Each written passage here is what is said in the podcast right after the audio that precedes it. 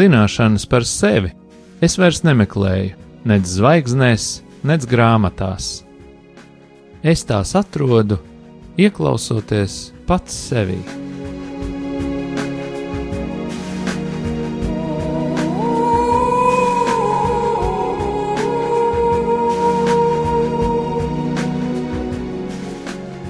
Raidījums Mīlestības terapija top mīlestības mājai, sadarbojoties ar profesionālo pastorālās konsultēšanas asociāciju.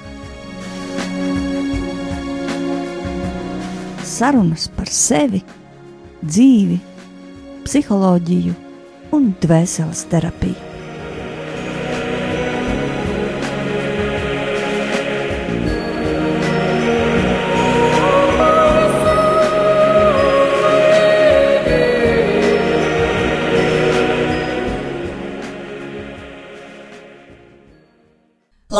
Mīļie radio klausītāji! Prieks atkal ar jums satikties šajā vakarā, raidījumā Mīlestības terapija. Un kopā ar mani, kā ierasts, jau mans kolēģis Gatis Līdums, labvakar! Un mēs uh, gribam turpināt uh, sarunu par sievietes un vīriešu attiecībām. Varbūt lēnām nopaļot tieši tādu akcentu uz vīrišķo būtību un lēnām pāriet uz sievišķo, bet šodien vēl mazliet tomēr par tādu spēlēšanos starp sievieti un vīrieti. Un pie šīs raidījuma tēmas mums lika apstāties dzīve, jo bija kāds raidījums mums, uh, kurā mēs runājām par vīrieti blakus sievietes negatīvismam. Un tad, kad mēs visi bijām noklausījušies šo raidījumu un pārunājām mazliet, un es tur biju, un, un sēdēja arī man, mūsu šī raidījuma veidotāja Gatis un arī Normunds. Un, un viņi abi vienā balsī izteica tādu teikumu, ka mēs pārtraucām šo raidījumu punktā, kur nu tad vajadzēs sekot atbildēji, nu ko tad tam vīrietim darīt blakus, nu ko tad viņam darīt. Un, šīs sievietes tādai negatīvajai daļai. Un mēs nolēmām mazliet paturpināt. Nu, tā kā likās, varbūt nepabeidzām, mazliet paturpināsim. Droši vien, kad uh, nevaram uzrakstīt recepšu grāmatu, jo katrs stāsts ir ļoti individuāls, bet mazliet pieskarties tam, kādā virzienā skatīties, droši vien, ka mēs varam. Un es gribētu iesākt uh, šo tēmu ar mazu sižetu no mūsu ģimenes dzīves, varbūt tādu notikumu, kas man lika ļoti daudz arī padomāt par šo. Es bērniem vakarā kaut ko lasu, un mēs bijām sapulcējušies pie mūsu kamīna, visi sēdējām, visi ģimene. Un es biju atradusi grāmatplauktā tādu vecu puškina grāmatu, kur viņš eh, rak, apraksta krievu tautas pasakas savā izcilajā literārajā valodā. Un es izvēlējos pasaku par zelta ziltiņu. Mēs šeit par to esam runājuši ģimenē. Un eh, šajā savā interpretācijā Puškīnas veceni sauc par veceni un veci par veci. Un visus to ainiņu, kas tur notiek, tā arī ļoti spilgti apraksta. Un tad, kad es šo skaisto, ļoti tēlēnā valodā pasniegto pasaku izlasu visai savai ģimenei, tad ir kāds brīdis klusums, un es viņiem jautāju, Nu, ko tev šī pasaka māca? Un mans astoņgadīgais dēls, kas ir jaunākais dēliņš, saka tā, kāpēc tā vecena bija tik uzpūtīga un tik augstprātīga? Kāpēc viņa iznīcināja savu vīru? Desmitgadīgā meitenīte saka, ka tad, kad cilvēks nemāķi pateikt paldies, tad tas var ļoti bēdīgi beigties. Un tā arī beidzās šai vecenai. Mans 11-gadīgais dēls, kuram to būs 12 gadi, saka, ka grēks vairo ļaunumu. Un šeit tas ir ļoti skaidrs redzams. Tā vecene ļoti grēkoja. Un es pajautāju savam vīram, ko tev šī pasaka māca. Un viņš atbildēja ļoti īsi, lakoniski trim vārdiem: Nevajag klausīt vecenei. Un varbūt dažas sievietes iekšēji kaut kur saceļās, bet es ļoti sapratu to, ko viņš tur teica. Un viņš pateica ļoti patiesi. Jo ko tad vēsta šis stāsta simbolisms? Šis stāsts, šī pasaka ļoti gudrā veidā stāsta par sievietes negatīvo daļu, kurai nekad nav sāta, kurai nekad nav gana, kura nekad nevar apstāties, un tai daļai nevajag klausīt. Bet mēs palikām pie šī jautājuma, ko tad darīt? Ko tad darīt šim vīrietim? Nu, es varbūt tik iesākšu, ieskucēšu to savu tādu redzējumu, un tad Gatis varēs paturpināt.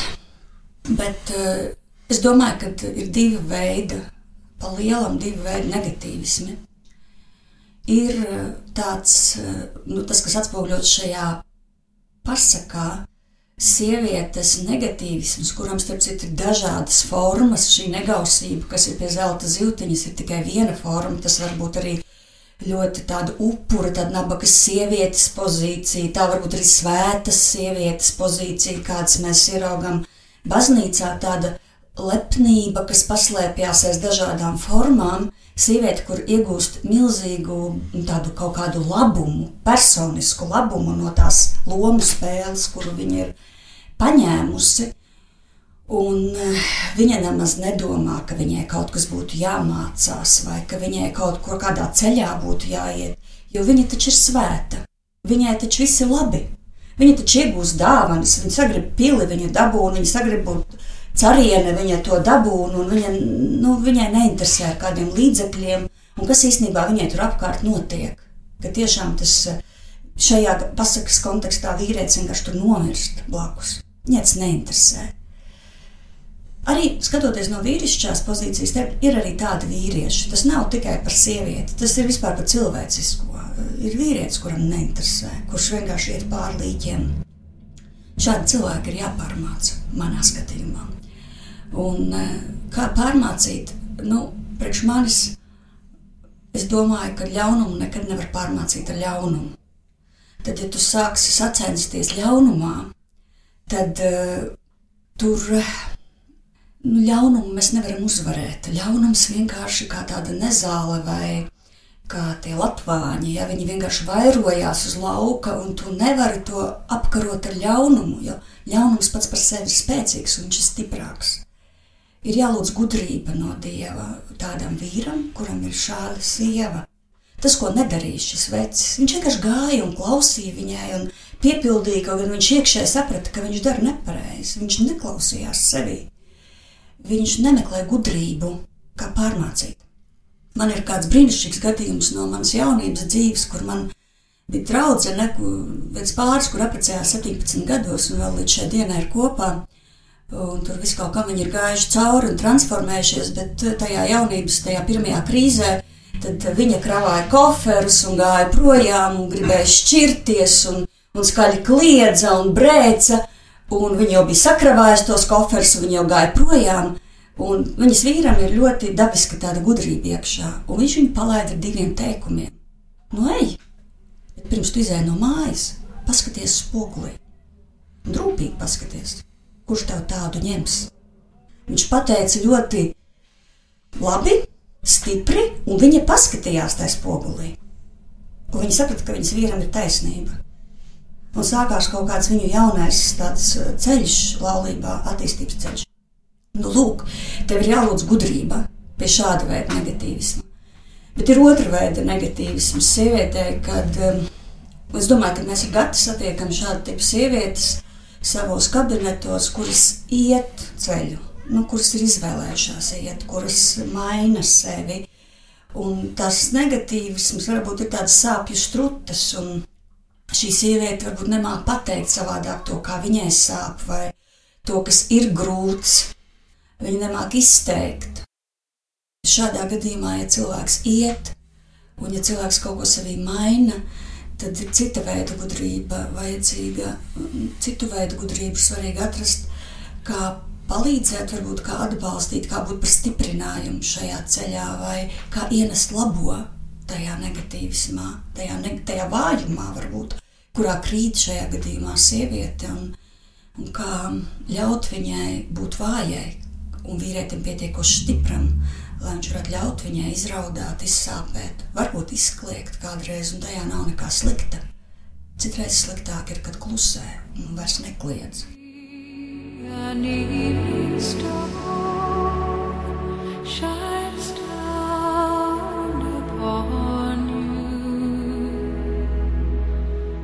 May it be when darkness falls.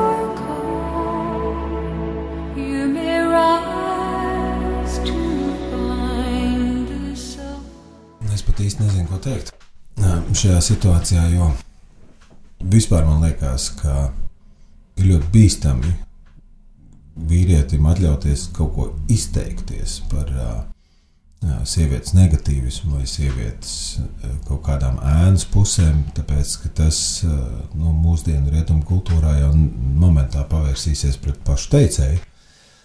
Bet, nu, laimīgā kārtā Latvijā vēl pagaidām mums uh, Andrejā Dripas vārdiem runājot, ir eh, tāda mazā brīvība, ka mēs varam vēl ar vienu mazliet, varbūt eh, brīvāk ļaut izpausties paši sev, ja mēs to darām saudzīgi un, un pārdomāti. Un, eh, un tad, atgriežoties pie tā, ko tu teici, es arī esmu lasījis to Puškina pasaku savā laikā.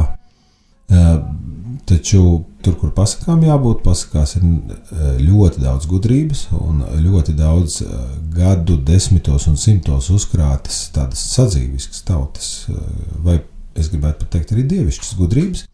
Taču, ja mēs runājam par to, kā tad būt un ko darīt, man labāk patīk tas pārītis, kur tu nu pat aprakstīji, un arī tā situācija, kur tu aprakstīji.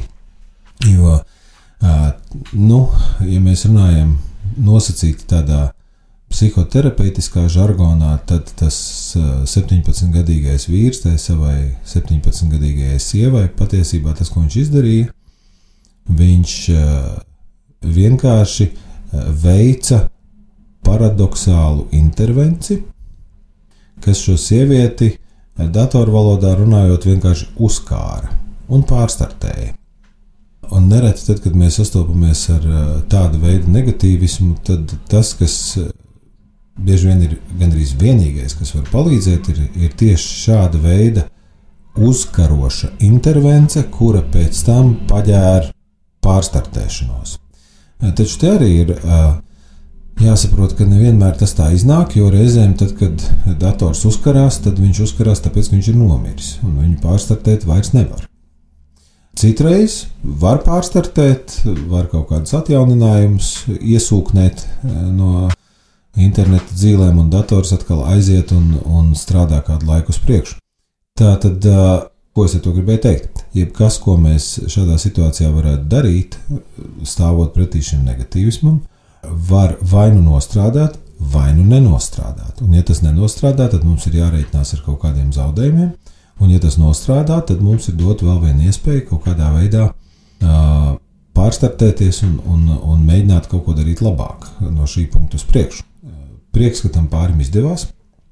Tas ir diezgan redzams gadījums mūsdienās, jo mūsdienās eh, nu, arī līdz Latvijai ir atnākusi tā promsviešanas kultūra, kad mēs nevis kaut ko saplīsuši mēģinām saremontēt un lietot tālāk, bet tehnoloģijas attīstās tik strauji, ka vienkārši nav vērts labot, ir jāmet ārā. Tāpēc, ka, ja kaut kas tev ir nolietojies vai saplīsis, tad uh, nu, paralēli ir iznācis jaunāks un labāks modelis, kurš atbalsta citu veidu tehniskos risinājumus, un to veco vienkārši ir jāsviež ārā vai jāutilizē. Un, diemžēl arī cilvēku attiecībās ir ienākusi tāda mentalitāte, un, un tā ir varbūt tāda laiku zīme, varbūt arī nē.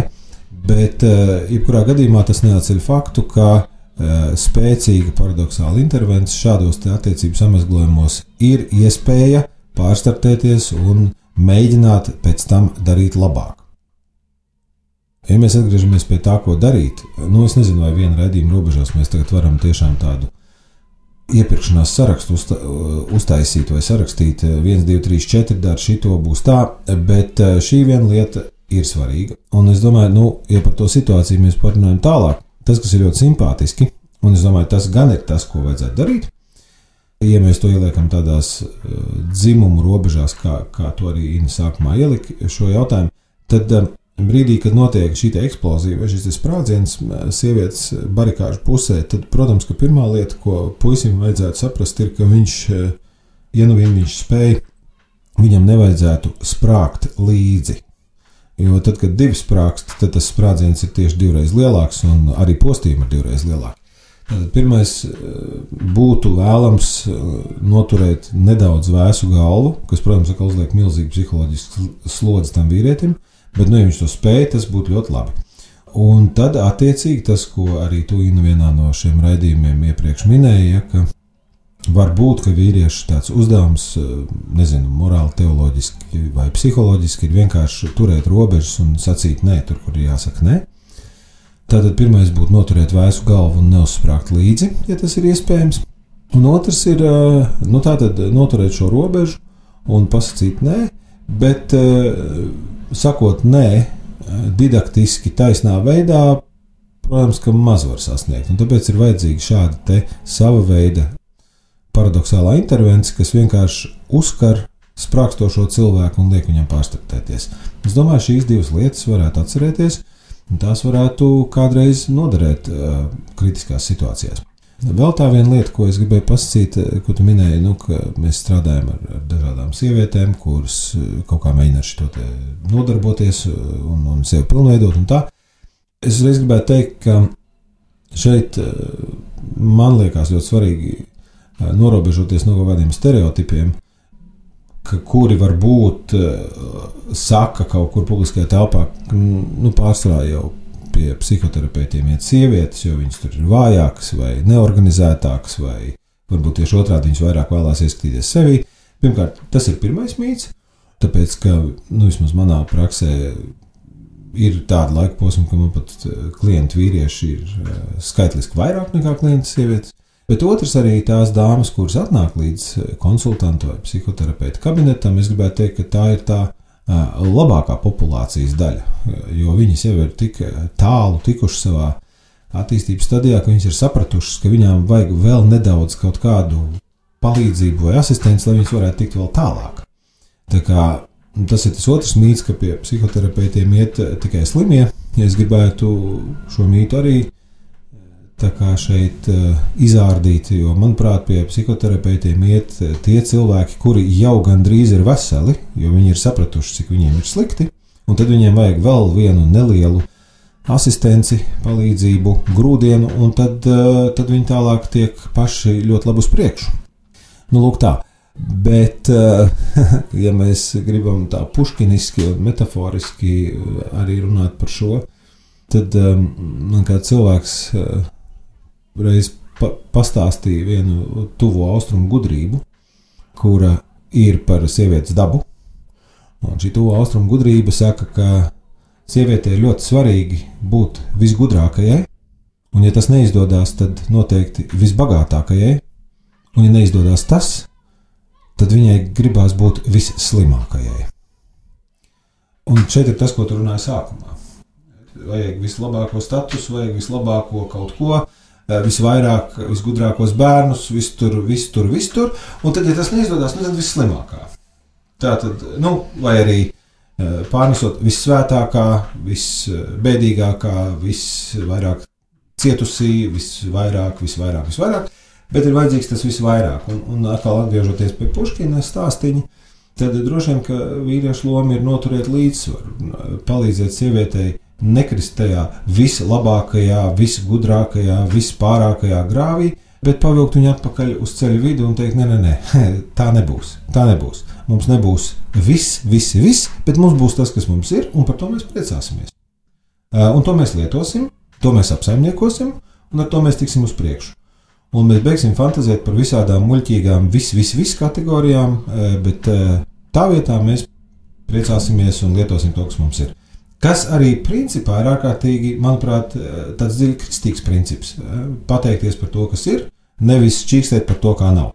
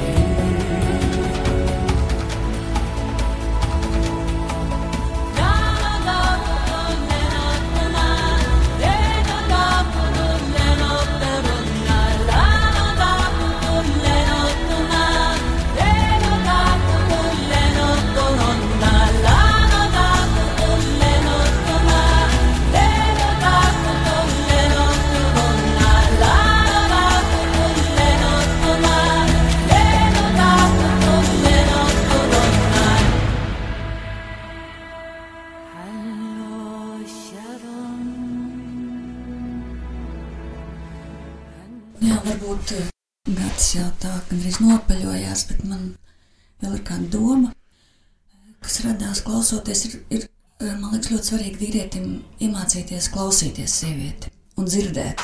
Par to ir daudz sarakstīts gudras grāmatas. Nu, varbūt viens veids, kā varētu klausīties, ir refleksīvā klausīšanās, ka tu ļauj viņai izteikt un mazliet dari tādu kopsavilkumu, ko tu no tā esi dzirdējis, ko tu no tā esi sapratis. Ir vīrieši, kuri pārprot, un tad viņi vienkārši klusē, un tad sievietē sajūt, ka viņi runā ar sienām, un tad viņi atkal paliek ar vien, varbūt uzvelkās no tā. Un, Bet šī spēja prasmē klausīties un nodot partnerim vēsti, ka es tev dzirdu, es tev dzirdu. Un tad es varbūt saku kaut kādām lietām nē, bet kaut kādām lietām es saku jā. Varbūt pie šīm es varētu strādāt, bet nu, šeit nē, te ir nu, tāds grāvis, ka tas nav ok. Laulības mugurkauls, manuprāt, ir dialogs.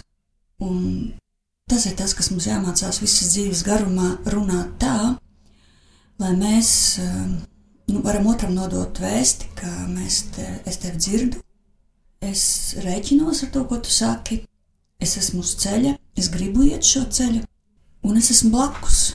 Tajā, ka tu raudi, vai tajā, ka tu izsaki savu sāpi, varbūt tas ir par mūsu attiecībām, kaut kas ļoti sāpīgs. Tad nu, es esmu tik drosmīgs no vīriešu pozīcijām, es tā saku, ka es varu pieņemt un to dzirdēt un teikt, jā, es šo dzirdēju, par šo es uzņemos atbildību. Nu, šī varbūt lieta man ir jāatgriež tā pašai, jo tā ir kaut kāda tava daļa.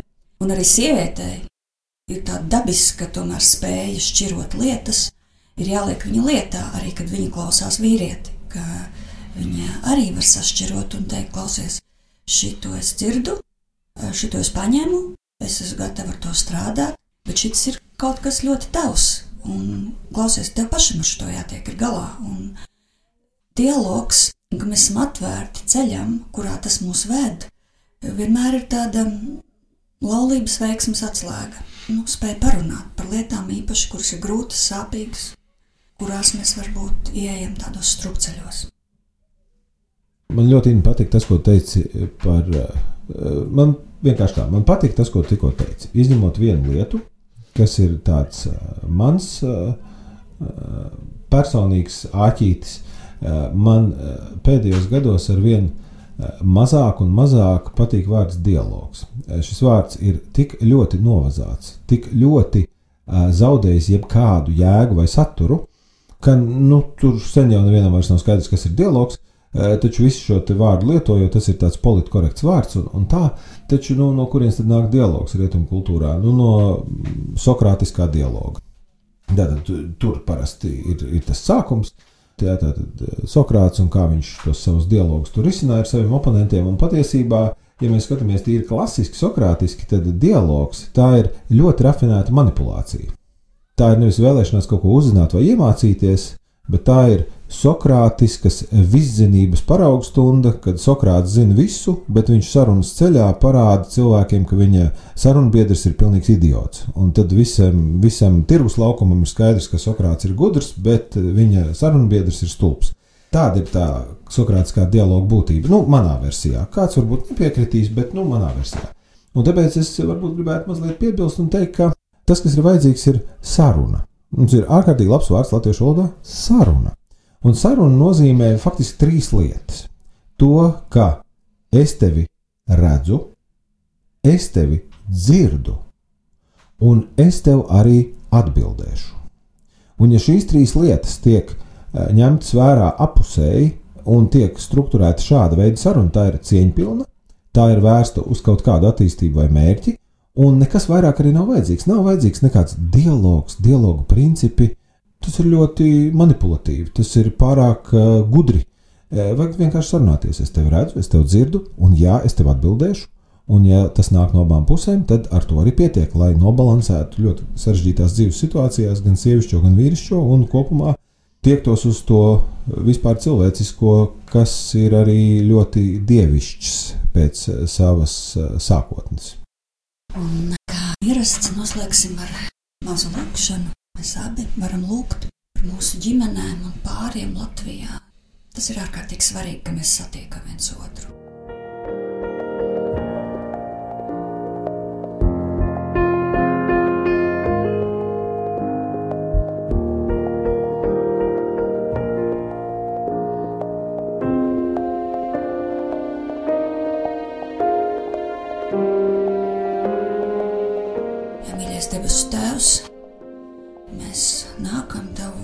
Priekšā un meklējam tevi, meklējam tavu skatienu, meklējam tavu gudrību, meklējam tavu atbildi priekš katra no mums, priekš katras situācijas, mūsu ģimenē, mūsu pārī. Mēs izvēlamies ceļu, mēs izvēlamies ceļu kopā ar tevi, ceļojumu kopā ar tevi.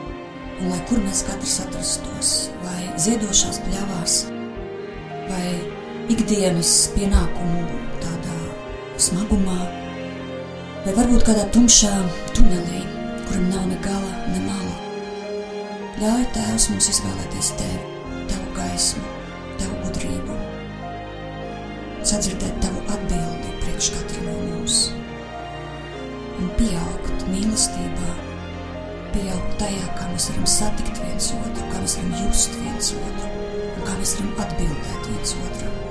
Svētī, kungs, svētī katru mūsu tajās attiecībās, kurās mēs šodien esam.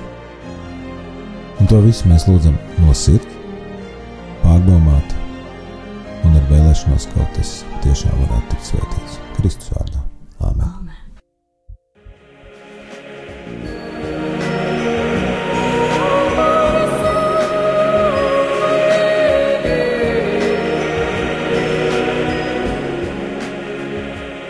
Jūs klausījāties raidījumu mīlestības terapija.